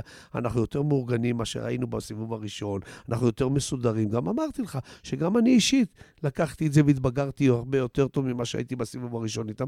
ככה שעוד פעם, ובכדורגל זה כדורגל. אם היינו יודעים כולם את התוצאות, היינו זוכים ב-16 בטוטו וכל הדברים. אף אחד אי אפשר לדעת, אבל אנחנו קבוצה אחרת היום. כיף לשמוע. אה, אתה יודע, היה, התפרסם היום אה, אמירה של אייל, או כתבה על אייל. איך זה משפיע מבחינתך על העבודה היומיומית, או על האופק קדימה? אה, בגדול, אני, אני, אני מאוד חבר של אייל. אני, התחברנו, אנחנו חברים הרבה מאוד שנים, למדנו ביחד, היינו מדברים יום-יום. היום להפך, בקטע שאני היום מאמן, אולי פעם בשבוע או פעם בשבועיים אנחנו מדברים. הוא דווקא נותן את השקט, הכל, הכל בסדר. אבל אני חושב שדווקא היום לא היה מתאים הכתבה הזאת. אני חושב שזה לא היה מתאים. אני, הוא לא אמרתי לו את זה, אבל אני פה אומר, אני פתוח הכל. אה, לבוא, היינו בשמחה, באווירה טובה, נכון. באנרגיות טובות. למה צריך היום להגיד את זה? למה צריך? למה לכתוב uh, שם אולי אלמוג ישחרר את uh, שיר צדק, חן עזרא, דני יש עמוס? יש בזה משהו בדברים האלה? אז אני אומר לך עוד פעם, תראה, לגבי שיר ו- וחן, יכול להיות, הם מודעים שיכול להיות שבסוף העונה, יכול להיות, הם סיימו. לגבי דני עמוס בכלל לא עלה, אבל היה כתוב, לא רוצה שזה יעשה לי נזק. אני לא רוצה, אני, אני רוצה שכולם... אני איתך, הטיימינג היה מאוד מוזר. אני רוצה שיהיה הכל מסודר, הכל מאורגן, הכל בסדר. אז אני חושב שבסך הכל, אני לא חושב שזה יצא בזמן, אבל מצד שני, אני גם מבין את אייל. מבין אותו. אתה יודע, משקיע, נותן, שם את הרבה כסף, מביא מהבית, ולפעמים גם שומע את הקהל שמקשקש, אז מה, אז, אז זה נותן אנרגיות לא טובות, כי בסך הכל, אם לא אייל, אני חושב שמכבי נתניה, איפה היא הייתה היום? אני חושב שרוב הקהל אה, לא מטיל בזה ספק אפילו לשנייה, בין הבעלים הפופולריים בליגה. כן, אבל אני גם חושב, אה, קודם כל אני מסכים עם בני שהעיתוי לא, לא הכי מתאים, אבל בסך הכל אני קראתי את הדברים. לא היה כתוב שם שום דבר שככה הוא, הוא באמת רעידת אדמה. כלומר, צאנציפר אה, רוצה למכור עיתונים, אז הוא עושה כותרת, אבל... כל הזמן אנחנו יודעים שאייל, אה, אה, כל הזמן הוא אומר, אנחנו, אני עוזב, ואולי בסוף שנה או שנה, מישהו שיבוא ייקח, ייתן. הוא כל הזמן, זה נכון שהוא אומר את זה כל הזמן. אבל כאילו עכשיו, אתה יודע, אחרי האווירה הזאת הטובה, אני לא חושב שזה היה התזמון הנכון. לא, אבל מסכים. אוקיי, זה אייל, ואנחנו מכבדים אותו ומכירים אותו, וזה לטוב ולרע. בסוף אנחנו גם יודעים שאייל לפני הכל, הוא אוהד. הוא אוהד. אוהד, אוהד, ברור. והוא לא, זה לא שיום אחד הוא, כמו משה חוגג, ייעלם או משהו. כלומר, ברור. גם אם הוא ישחרר למישהו אחר, זה אחרי שהוא יוודא במיליון אחוז. אני, אני תמיד הרי אומר, היה לי איש עסקים מאוד מצליח. העסק היחיד שלו שהוא יודע מראש שהוא בהפסדים בו זה מכבי נתניה. כן. אבל הוא לא מגיע לשם מתוך היגיון, הוא מגיע מתוך הרגש. הוא לא ישחרר את זה לכל אחד שיבוא וירצה לעשות סיבוב. ברור. והוא גם לא ינטוש את זה. וכמו שאתה מבין, הוא גם מאוד אוהב את מחלקת הנוער, שהוא רוצה להשאיר לו את זה בשביל להשקיע במחלקת הנוער. בטח. לגמרי. אה, נראה לי שנעבור קצת לשאלות מהמאזינים שלנו. אה, אלעד קדם שואל, עד כמה, נגענו בזה עכשיו, עד כמה אייל משמעותי עבורך, והאם העזיבה הצפויה משנה משהו מבחינתך? עוד פעם אני אומר, אני מאוד מחובר לאייל, אנחנו חברים טובים. אייל אה, נותן לנו שקט. שקט זה אומר שהכל מסודר, הכל מאורגן, מה שרוצים. סתם לצורך העניין, באתי, ביקשתי מלון לצאת לבאר שבע ב- בשבת בבוקר, לאכול צהריים, לנוח בחדרים, לבוא למשחק, קיבלתי. כל מה שאני רוצה אייל נותן, כי הוא מרגיש מה הדבר הכי טוב לקבוצה, הוא מוכן לעשות. ואייל מבחינת זה הוא הדבר הכי טוב שיש, והלוואי והוא יישאר, כי הוא בעל הבית נפלא ומצוין. מעולה. אה, אושר אורן שואל, האם יש מטרה להצעיר את הסגל אה, בסיום העונה? להצעיר עוד יותר? לא, לא יודע, אה, 23.7 זה הממוצע גילאים של המשחק. זה לעלות עם נערים ג', להצעיר עוד יותר. אני מאוד מאוד מאוד רוצה שהסגל הזה יישאר, ונלך איתו גם בשנה הבאה, ולהפך, אם אנחנו נוציא עוד שחקן אחד, שניים מהנוער, אני אשמח. אמ, רוני פלח שואל, האם המנוי לשחל תקף בזמן משחקים? אוהבים אותך, בני, תמשיך לשמח אותנו. אמ, אמיר זנה שואל, מה אפשר לעשות בשביל להשאיר את הצעירים החמים בקבוצה, גם בעונה הבאה, ובכלל במבט קדימה? לבנות פה, כמו שאמרת, אני- לבנות פה אני- קבוצה אני- שבסופו של אני- דבר תרוץ למשהו. אני רוצה להאמין שאייל אה, מבין את זה, שיש שחקנים צעירים שהם מאוד מבוקשים בארץ וגם בחו"ל כבר, אבל יש לו מטרה, מכבי נתניה זה עניין של תזמון, הוא מאוד רוצה לראות, אם הוא יראה, אני בטוח שאם הוא יראה את הקבוצה הזאת שהיא מסוגלת ללכת קדימה ולהגיע לאיזה מחשבה, לאיזה תואר, אני בטוח שהוא ישאיר את הקבוצה הזאת, ולהפך עוד יביא אחד-שניים. מעולה. אה, תומר בוימן, אומר שקודם כל אני רוצה להצדיע לך על הרוח שאתה מכניס בשחקנים ובאוהדים, שבאים לנצח כל משחק. אה, לפעמים זה מרגיש כמו קלישאה, אבל בני מאמין בזה, וזה מחלחל לכל הקבוצה. אה, האם אתה חושב שעם השחקנים הקיימים אפשר לייצר DNA של קבוצה אלופה? אני חושב שהם מרגישים את זה. אני מאמין בזה. הקבוצה אה, אה, אה, משבוע לשבוע נראית הרבה יותר טוב. ה-DNA שלה לרוץ, קדימה, לחץ גבוה. הם משחקים גם כדורגל מצוין כבר. אז אני חושב שאפשר, ואמרתי עוד פעם, עם עוד שחקן, שניים, שבמקומות הנכונים, תמיד אפשר לשאוף גם לתארים. מעולה. להב ראובני שואל, מה המטרות של מכבי נתניה מבחינתך? לא העונה, אלא העונה הבאה. איזה מכבי נתניה נראה בעקבות החיסוקים בינואר? ולא יכול לוותר על מאיפה, מאיפה הסוודר בז' שלבשת במשחק נגד חיפה. אז קודם כל, מבחינתי, אם אנחנו נביא עוד שחקן, שניים, בשנה הבאה, ונשפר את הסגל, אני מאמין שאנחנו יכולים לרוץ ולדבר גם על תארים, ולגבי הסוודר, זה סוודר שקיבלתי אותו לקוסט, אני מפרסם אותם בשבתות, ככה שזה אנחנו נשים הסוודר אה, יפה. לינק לרכישה בסיום, בתגובות לפרק. אה, בני, יש לנו שאלה מקובי ראובן. אה, הוא אומר, קודם כל, שאפו גדול על השינוי המקצועי והחברתי. אה, הוא שמח לשמוע אם אתה יכול טיפה להרחיב על מערך ה scouting. כלומר, איך אנחנו, איך אנחנו בוחרים שחקנים, מבחינת שחקני נוער. קודם כל, קודם כל, מבחינתי, אני מדבר רק מהתקופה שאני נכנסתי כרגע. יש מערך scouting שלנו, יש לנו שני אנשים שמתעסקים עם זה. אה, מביאים לנו חומר. אה, אלמוג כהן ואני מקבלים שחקנים, אנחנו עוקבים אחריהם, רואים אותם, אה, יושבים עליהם הרבה לילות בווידאו, וזה לא קל, זה לא קל. גם אם אנחנו רואים, ושחקן מצוין, לפעמים אתה יכול ליפול, כי אין תחליף לזה שלפעמים צריך לנסוע ולראות ולהיכנס יותר לעומק, מאיפה הוא, איך האישיות שלו. תמיד זה דברים טובים. אני מקווה שעוד יותר נשפר את זה גם בשנה הבאה. כיף לשמוע. אה, בועז עמרם, רוצה להתחיל את הכל ולהגיד לך תודה. אז קודם כל מעבר לזה. אגב, אה, זה, סליחה אמרנו. שאני קוטע אותך, אבל זה באמת יפה לראות, כי כמעט כל האוהדים שגם הגיבו אצלנו בעמוד, מתחילים את השאלה שלהם באיזושהי הודיה. תודה רבה, בני, החזרת איזשהו כמו, משהו אני פה. חושב, עוד פעם, קודם כל תודה להם. ועצם זה שהם, אני אומר לשחקנים, תעבדו, והם מעריכים את השחקנים, ככה גם הם מעריכים- את המאמן, שהם מרגישים שאני בא ונותן את הלב שלי בשביל הקבוצה הזאת, כי אכפת לי, זה מכבי נתניה, והזכרתי את זה בהתחלת השידור. מכבי נתניה בשבילי זה הבית שלי. אה, עיסק כהן שואל, מה הדבר אה, שאתה הכי חושש ממנו או הכי פוחד שיקרה בכל הקשור לאימון מכבי נתניה? אה, והאם אתה מאמין שבעונה הבאה תואר כלשהו בהישג יד? אני מפחד להפסיד, אני מפחד להיכשל, אני אוהב לשמוע את זה. אני מפחד להפסיד, אני מפחד להיכשל, ותואר, אני מאמין. מעולה. אה, ויקטור זנה, דיברנו מקודם, אתה חייב ללמד אותם לבעוט פלש, אז אה, ובני, תכניס אני ל-to-do list. אשתדל, אני אשתדל. אה, אורקלט שואל, האם השאיפה לעתיד היא להתמנות לתפקיד ניהולי בכיר כשמתחתיך מאמן ראשי לקבוצה? בחיים הכל יכול להיות, אי אפשר לדעת. אה, מעולה. אופיר כהן שואל על המטרות לעונה הבאה והסגל, זה כבר דיברנו. אה, האם אתם חושבים, צחי גרובר שואל, האם אנחנו חושבים, האם מכבי נתניה חושבת על חיזוק לקיץ? אה, ודיברנו על הכתבה באמת של אייל, אז הוא גם שואל על זה, אבל בסדר, כבר הגענו בזה. חיזוק לקיץ? אנחנו משתדלים, אמרתי, אם פרפה גרגון יעזוב אותנו, נצטרך להביא שחקן ברמה שלו, ועוד עדיין, גם מגן שמאלי הייתי מביא. אורן גל שואל, מה, מה עם מדיניות החילופים שלך? יש איזו אג'נדה מאחוריה? אה, אני לפעמים שומע, אה, גם אצלכם, אני שמעתי כמה פעמים, למה חייבים חמישה חילופים? אני אמרתי, כן, אני אני באופן ספציפי אמרתי, בסדר, כן, כן. הכל, אני נהנה לשמוע אתכם, הכל בסדר. החילופים מגיעים לפעמים, אה, כך במשחק, את יובל אשכנזי, שמשך דקה 60 כבר, וסימן לי עם התאומים שכואב לו. יש שחקנים שאני מרגיש שאצל אביב אברהם לפעמים חלה אצלו ירידות ועליות במשחק, ופתאום כשהוא מפסיד את הכדור, אז אני מרגיש שזה קטע של עייפות.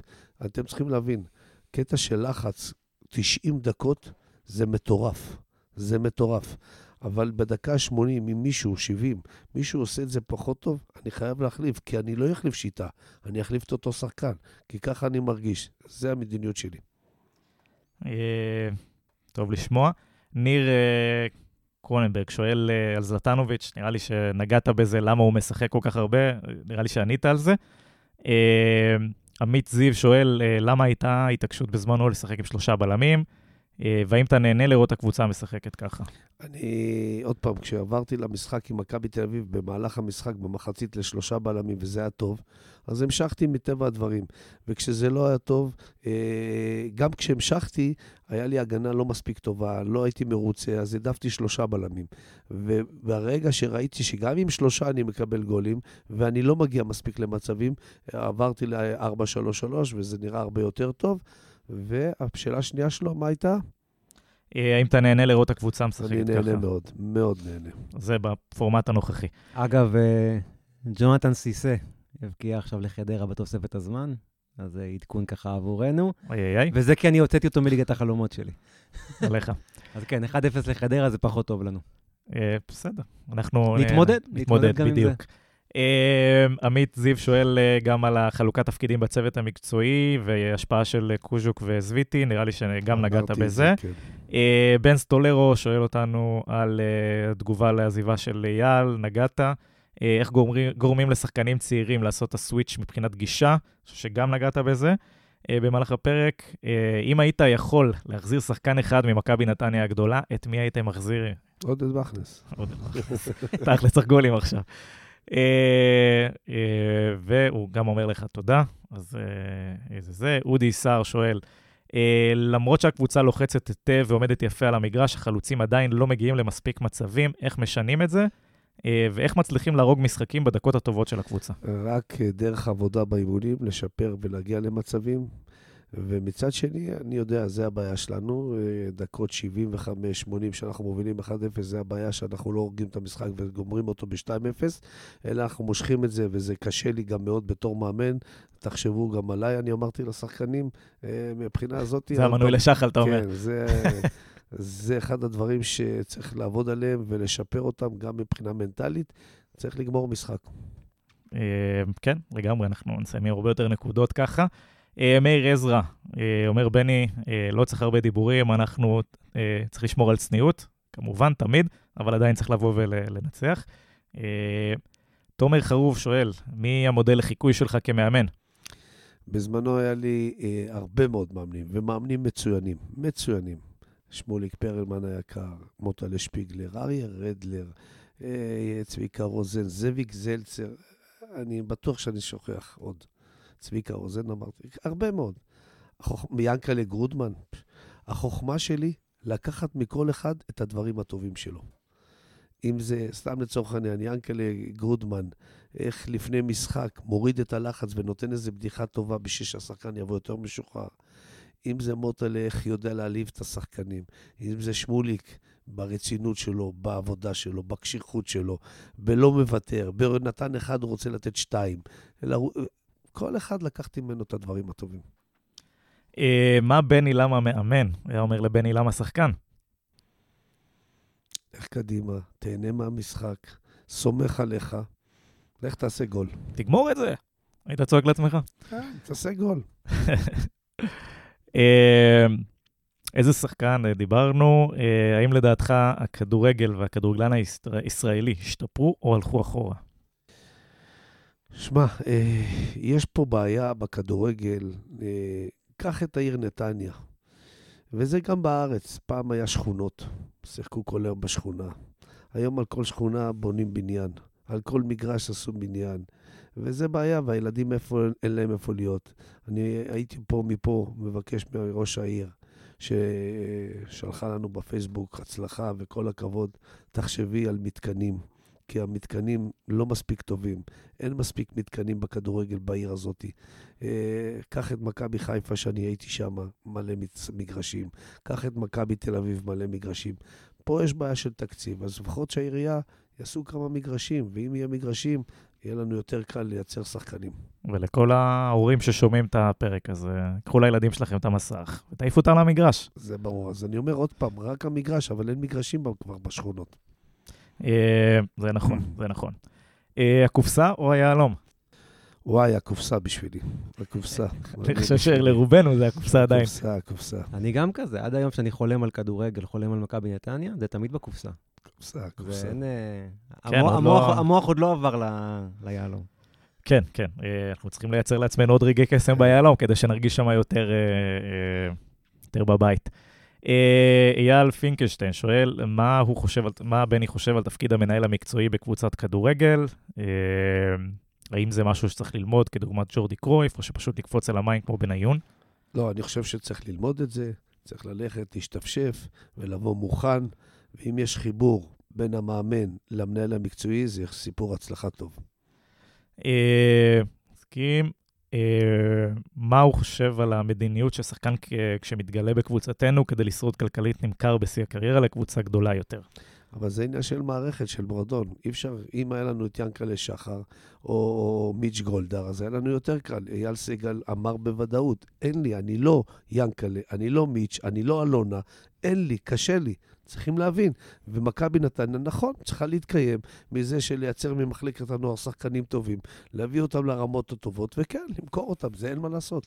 אגב, אני חושב שבמקום שבו אנחנו בעצם, אייל הרי הוא, הוא אוהד, כמו שאמרנו, אז הוא מביא את הכסף שלו וכמה שהוא יכול. אבל אני דווקא מאמין שקבוצה כמו שהיום, שהיא בצלמו של בן עילם, שהיא קבוצה ש, ש, ש, שהעיר מחוברת אליה, אז המטרות שלנו בתור אוהדים זה להביא כמה שיותר מנויים, למלא את האיצטדיון, להכניס כסף לקופה. דיברת על מכבי חיפה, אבל ינקלה גם יש לו 20 אלף מנויים ועוד ברשימת המתנה. אז אם אנחנו נגיע. אנחנו בתור אוהדים, כל אחד יש לו את החלק הקטן שלו, ואפשר להרים פה את, ה, את העסק מבחינה כלכלית מסכים איתך יותר. במאה אחוז. הזדמנות ואחד- נפלאה כבר ביום שבת הקרובה. ואחד הדברים שאני אמרתי גם. בתוכניות שלי שהייתי השבוע, בסוף המשחק כבר, שהמשחק מול הפועל ירושלים הוא בשעה שלוש, בשעה שלוש, שעה נוחה, משפחה, נתחיל להגיע. אני, אני יודע שמכבי נתניה יוצאת במבצע של 50 שקל כרטיס, ואני מאמין ש, אה, שאפשר למלא את האיצטדיון. זה אווירה טובה, יש קבוצה טובה, יש קבוצה שאתם יכולים ליהנות, וגם להוציא אוהדים חדשים לכדורגל, למכבי נתניה. הלוואי. אנחנו קוראים מפה לכולם אה, באמת להגיע ביום שבת הקרוב. אה, אורי קליין שואל, אה, מה אתה הולך לעשות במשחקים הבאים, שגם פרפה וגם החלוץ יוכלו לשחק? את מי אתה מוציא מהרכב? האם אתה חושב שהסגל הנוכחי, אה, פלוס חיזוק, כן, דיברנו על עונה הבאה כבר, אז בואו בוא באמת ניגע בשאלה של פרפה שאלה, והחלוץ. שאלה קשה, אבל זה טוב למאמן. זה... עושים לי עבוד... כאבי ראש, וכשאומרים שיש כאבי ראש זה יותר טוב. וזה מי, עדיף לי מי יותר טוב ישחק ולא מי פחות טוב ישחק. ואני מחכה, יש לנו זמן, אנחנו רק ביום ראשון, לראות קצת את האימונים, להרגיש את השחקנים, וביום רביעי-חמישי ניקח את ההחלטה כבר מי צריך לשחק. אה, כן, נתניה, שי אה, זיסטמן שואל, אה, נתניה זו תחנה האחרונה שלך כמאמן, או שאתה רואה את עצמך הולך גם למועדון אחר? אני יכול להגיד לך פה כרגע שכבר אתמול בבאר שבע כל האוהדים כבר שיגעו אותי, תישאר פה, תחליף, תהיה. אה, מכבי חיפה, הוא אחרי ברק בכר, הוא המאמן שלנו וזה. אני לא רוצה, אני... מכבי נתניה זה מבחינתי התחנה האחרונה, ואם לא, אני חוזר לנוער, אם צריך. יפה. אה, עמית חג'אג' שואל, אה, האם שנה הבאה אה, תשאף לחזור לשלושה בלמים, או שאתה תשחק עם ארבעה? אני זה לא... נורא מטריד. עוד אה, פעם אני אומר, זה לא. מדובר על שנה הבאה, זה יכול להיות עוד שבועיים, שלוש פתאום, או במהלך משחק אני עושה את זה. זה עניין של תהליך ומה הכי נכון לי לעשות במשחק. אה, אחלה. אה, אדרו זכאי גם דיבר על זלטנוביץ', נגענו בזה. אה, דור אדרי שואל, האם שינויי המערך והחילופים אה, באים ממך, באים מהעוזרים? אה, מה החלוקה באמת? איך זה... קודם כל זה באים ממני, אבל אם העוזר שלי יש לו איזה משהו להגיד לי והוא חושב ככה, אני שומע, ואם צריך לעשות אני עושה, ואם אני חושב שלא, אז אני לא עושה. אבל זה העוזרים שצריכים להגיד לי, ואני מבקש מהם להגיד לי. ניב, ניב אלכס שואל, איך אתה מסתדר עם הלחץ והאינטנסיביות של לעמוד משחק שלם על הקווים בליגת העל? איך זה משפיע עליך? אה, לא פעם, אני צריך להגיד, רואים אותך משתגע שם על הקווים. אה, מתעצבן על שופטים, ראינו גם כמה כרטיסים. השבת אני לא מנהל את המשחק. יש לי חמישה צהובים. אה, אני גררתי עוד שניים, שלושה מחיפה כשהגעתי מהנוער. אה, זה נחשב וזה? כן, ברור, וזה נחשב, אז שבת אני לא מנהל את המשחק. אבל עוד פעם, זה אני, אתה יודע, גם אם אני בא ואומר, היום אני הולך לשבת בספסל ואני אשב, אני לא מסוגל. אני חייב להיות במגרש. שמעו, יש אה, מאמנים שזה הדרך שלהם, ויש מאמנים שאוהבים לשבת ולהסתכל על המשחק. אני ראיתי את המאמנים הגדולים היום של אתלטיקו מדריד ושל ליברפול, איך הם מכינים את המשחק, ואני חושב שזה עזר לקבוצה. אני גם כל השנים שלי הייתי כזה, גם כשאמנתי ילדים, נערים, נוער, זה אני, ואני מאוד מרוצה מזה. טוב לשמוע. ואני מרגיש שגם השחקנים אוהבים את זה. איך אתה יוצר, אגב, את, ה... את, את ההבדל הזה שמצד אחד אתה מבקש משחקנים לשמור על קור רוח, מצד שני, אתה לפעמים, כמו שאתה אומר, מקבל את הצהובים, נכנס לוויכוחים עם השופטים. עכשיו, אנחנו יודעים שזה הכל חלק מגם איזשהו... הצגה. הצגה, נכון. בסוף אתה, אתה יוצר שיתוף... לחץ על, על השופט לפעם הבאה. בוא אני כן. אספר לך דבר. ברק בכר, הוא לא מקבל צהובים. אבל יש לו, יש לו סימן עם הספסל. כשהוא מסתובב אחורנית, צרפתי, כן. בולדוזר. אני עושה את זה עם הקהל. כשאני מתחיל, הקהל מתחיל. אני ככה מרגיש את זה. אני מצליח להביא את הקהל, להרים את הקטע על השופט. ופה לפעמים זה מצליח. מעולה. אני, יש לי עוד שאלה אה, בנושא הזה, דיברנו על הקווים ולעמוד. יש, שמעתי את זה מכמה מאמנים. יש כאלה שסבורים שאין להם השפעה. זה שהם על הדשא, כי שחקנים לא שומעים אותם כשהאיצטדיון מלא, או פה ושם, אתה יודע. זה הרבה, אתה יודע, רק בשביל להיראות. אה, מה, מה, כמה יכולת השפעה שלך בתור מאמן, תכלס על הדשא, אחרי שהמשחק מתחיל. אז קודם כל, הוא צודק מאוד. אה, למשל בנוער, כשאני נותן צעקה, שומעים אותי כולם. אין בעיה, שומעים, אין אוויר, אין קהל. בבוגרים הגעתי, אני נותן צעקה, וואי, הוא לא שומע, נותן צעקה, הוא לא שומע, לא כלום. אבל עצם זה התנועה שלי, עם העבודה, עם הידיים, אני זז, אני זה, משהו קורה, מבינים, יש כבר סימן, סימנים בינינו דרך התנועות ידיים וזה. אבל מצד שני, אני היום לקחתי את עדן קרצב.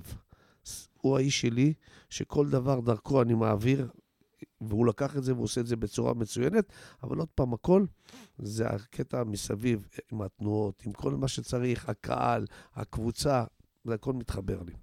ראיתי אותך אתמול, מנסה עוד פעם להוציא כדור חוץ. לא, לא, לא. זה יקרה? עצרתי, עצרתי, עצרתי, החזקתי, ואף פעם שמתי את הכדור. היה, היה לשנייה שם. כן, כן, צודק, צודק, צודק. אה, ניר, עוד משהו? אמ, האמת שנראה שכיסינו את הכל, לדעתי.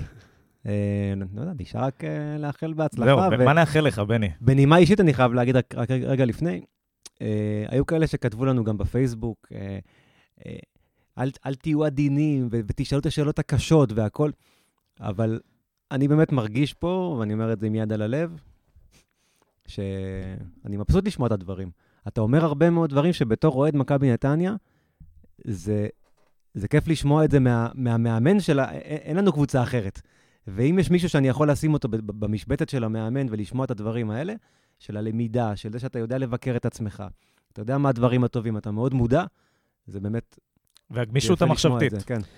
אה, אה, קל לי לעשות את זה, כי אני אה, ישבתי למעלה גם כן ביציע, והייתי אוהד של מכבי נתניה כשהייתי מאמן את הנוער של מכבי חיפה. והחיבור הוא, הוא, הוא, הוא כיף, ואני מכיר את ה... כל פרמטר במועדון הזה, אני מכיר כל פרמטר של הקהל, אני בא מפה, אני בא מבפנים, וזה קל לי לעשות וגם להתחבר לקהל. כי יש הבדל כשמגיע מישהו מבחוץ ולא מחובר ולא יודע. לא, אני פה אומר לך דברים אמיתיים, שמתי את הכל על השולחן, אמרתי את כל הדברים באמת. רוצה ללמוד, אני יכול ללמוד גם ממאמן בילדים ג', אין בעיה, אם יש לו תרגיל טוב, אני אקח. הכל, אני, ממקום שלי אין אגו. איך מנטרלים אבל? אתה יודע מה? בוא נסתכל על הצד ההפוך של זה. איך מנטרלים את כל הרעש מסביב? בתור אחד שחי פה. של סביב שאני שומע דברים אולי לא טובים, סתם לצורך גם העניין? דברים לא טובים, גם אה, אלף אני- יועצים. אז בוא אני אגיד לך, גם את הקטע הזה, אה, אתה יודע, התחלתי בקול טרוארה, ונהניתי, פתחתי, נהניתי, יאטה, פתאום היה צניחה. אז קמו כל, כל מיני והתחילו לקשקש. אז הגעתי למסקנה, לא בטוב, לא ברע, לא פותח, לא מעניין. כי גם בטוב, כשהייתי שחקן, עשרת אלפים אוהדים היו במגרש, 9,800 או 9,999 יצעקו בן עילם, בן עילם. אחד יגיד, סליחה, בן עילם, יא בן. אני אשמע את האחד, אז לא רוצה לשמוע כלום. יאללה.